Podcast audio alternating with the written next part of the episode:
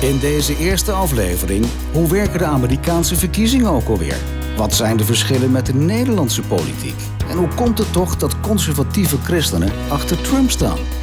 Ik ben Victor Chevalier. Vanuit de werkkamer van Charles Groenhuizen in het centrum van Utrecht is dit The Greenhouse Effect. Hartelijk welkom, Charles. Dankjewel. Um, waar gaan we het allemaal over hebben in deze podcastreeks?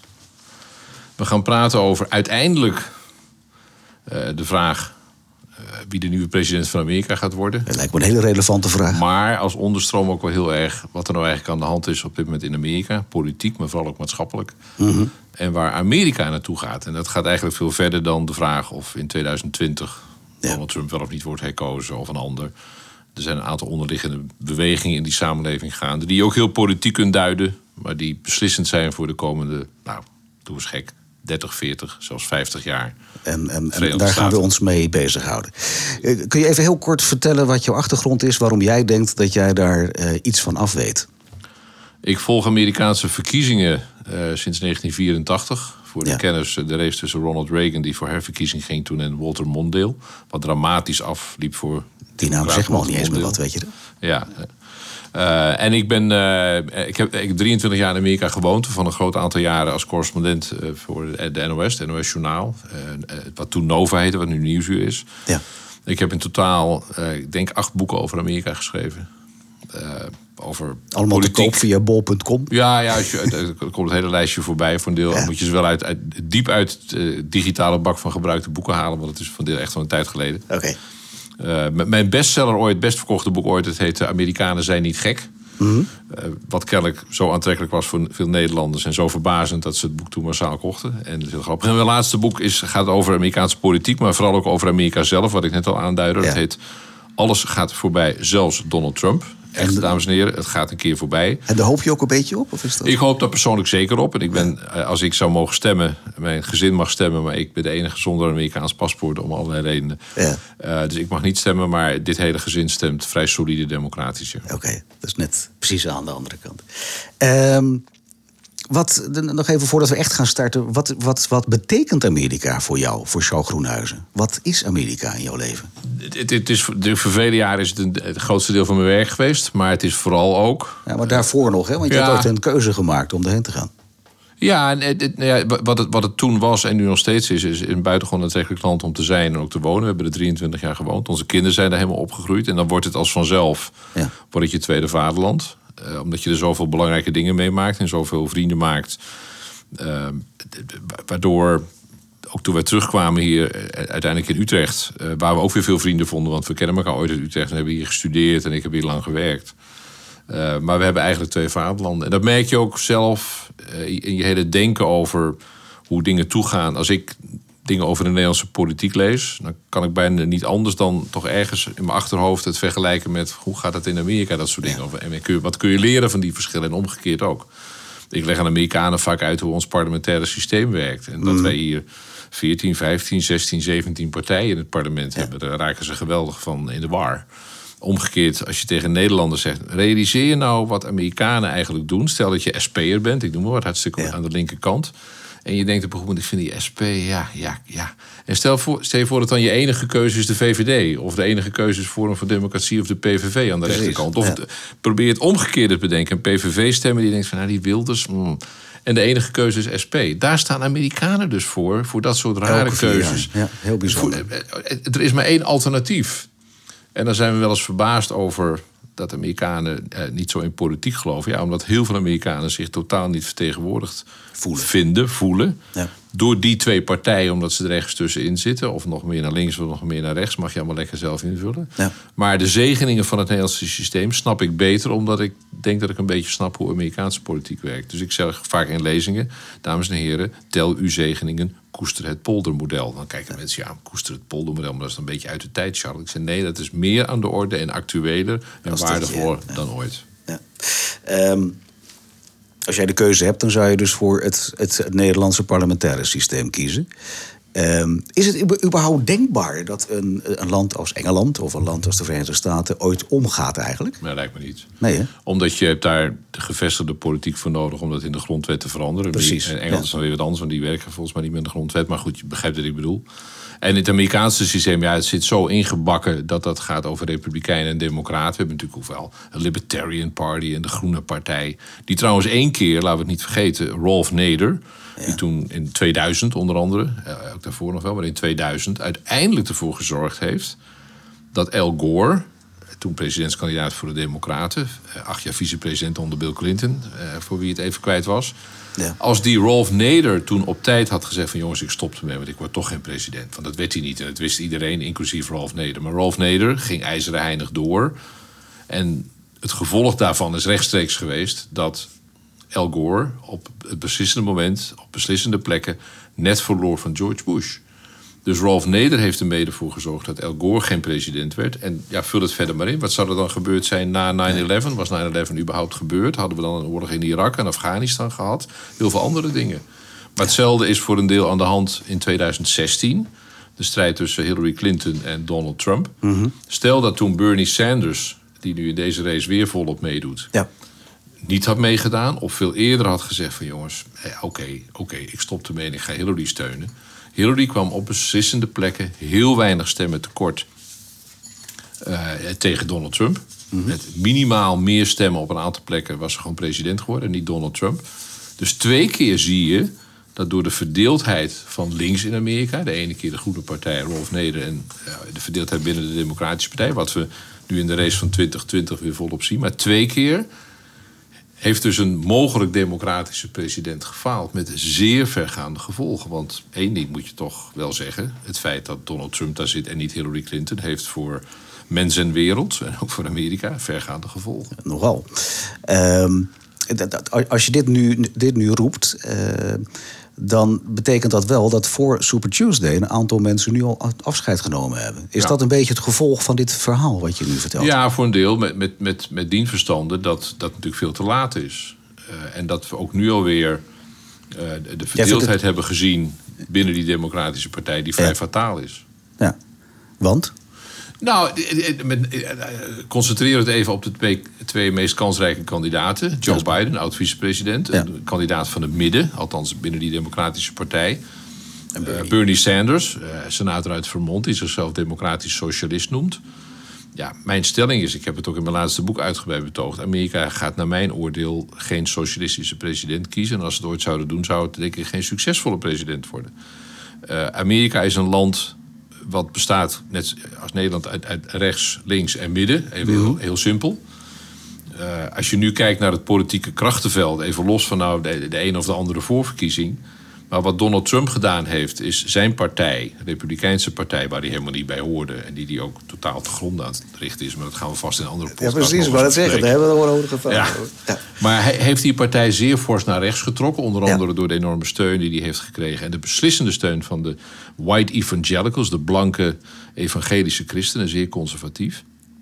Ook bijzonder trouwens dat hij achter Trump staat met al zijn ethiek. Als er, ja, Trump overtreedt nou, toch gemiddeld vijf van de tien geboden elke dag zo ongeveer. Ja. Of in ieder geval elke maand. Ja. Maar hij heeft die partij dus heel erg naar rechts getrokken. En dat vinden een aantal mensen binnen die partij eh, fantastisch. En die stemmen op hem. We gaan ook weer op hem stemmen. Maar door zijn zijn extreme ge politieke gedrag is voor een deel dat politieke midden braak komen te liggen. Er zijn nogal wat Amerikanen die twijfelen tussen links en rechts, twijfelen tussen democraat of republikein. Mhm. Dat midden ligt nu voor een deel open. Op het moment dat Bernie Sanders de democratische kandidaat zou worden, trekt hij die partij naar links en laat je eigenlijk dat grote midden. Laat je liggen dan. Waar de beslissing valt. Ja. Waar uiteindelijk wordt, wordt bepaald of er een democratische dan een republikeinse president komt. Dus alleen al om, om reden van het feit dat Trump de zaak naar rechts trekt, moet je juist aan de democratische kant, naar mijn oordeel, als je wil Mhm. winnen, moet je in het midden gaan zitten. Want dan kun je voor een deel je linkse kiezers, sommigen vinden het dan, hè, de jongeren bijvoorbeeld, zeggen, ah, die Biden is veel te gematigd en ouderwets. Nou, dat kan.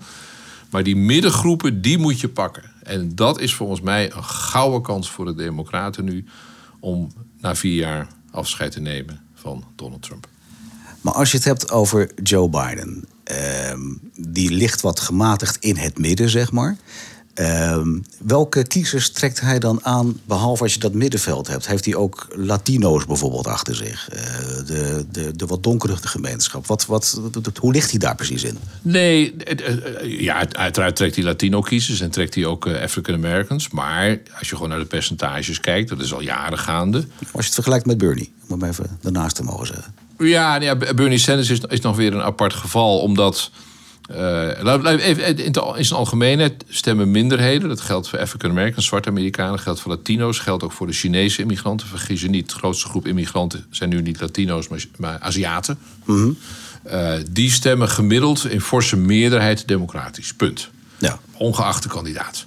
Dat heb je ook uh, nu bij de voorverkiezingen gezien. Dat Bernie Sanders bijvoorbeeld in Nevada ontzettend goed deed bij Spaanstaligen. En Joe Biden bijvoorbeeld in South Carolina heel goed deed bij zwarte kiezers. Mm wat je nu ziet is dat de Republikeinen als een beest bezig zijn om een deel van die gekleurde Amerikanen, die minorities, people of color, hoe je ze verder ook noemt, naar zich toe te trekken. En tot nu toe lukt dat soms wel. Een heel concreet voorbeeld is bijvoorbeeld. Er zijn de Latino's in Florida. Er zitten nogal wat Cubanen of ex-Cubanen bij. Die zijn over het algemeen hartstikke rechts. Want ze hebben een pesthekel aan Fidel Castro. En vinden dat alleen de Republikeinse partij genoeg een vuist maakt tegen.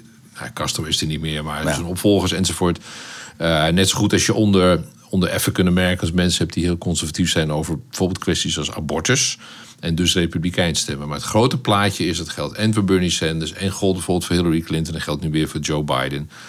Als een democraat president wordt, is dat voor een groot deel te danken aan people of color. Is dat voor een groot deel te danken aan die minderheden.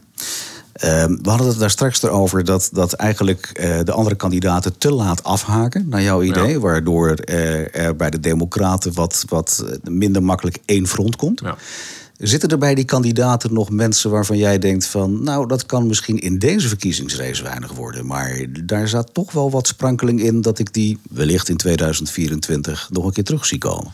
Ja, zeker. Eh, dat geldt wat mij betreft in ieder geval voor de buitengewoon opvallende kandidaat Pete Buttigieg, nu 38. Mhm. Oud-burgemeester van South Bend, Indiana. Uh, homoseksueel, getrouwd met een man. Uh, en dat is in dit geval allemaal relevant omdat het in Amerika bij sommigen nog wel gevoelig ligt. Uh, extreem intelligent. spreekt fantastisch als je het vergelijkt met bijvoorbeeld Donald Trump. Hij spreekt acht talen, om eens wat te noemen. Zo, ja. Uh, nou goed, dat is niet genoeg om een goede president te zijn, maar het zegt wel iets over je, over je capaciteiten. En als het gaat om talenkennis, roep ik steeds uh, acht talen. Dat betekent dus dat de stand Buttigieg-Trump om talenkennis is het 8-0. Oké. Okay. ja, want Trump spreekt op een hele merkwaardige manier van Engels. Maar die, die, ik denk dat we die terug gaan zien. Het zou me ook niet verbazen als... Stel, even uh, veronderstellende wijze... dat Joe Biden president wordt. Dan zie ik zo Buttigieg uh, minister worden. Maar dat geldt ook voor iemand als Amy Klobuchar, eh, progressieve senator uit Minnesota.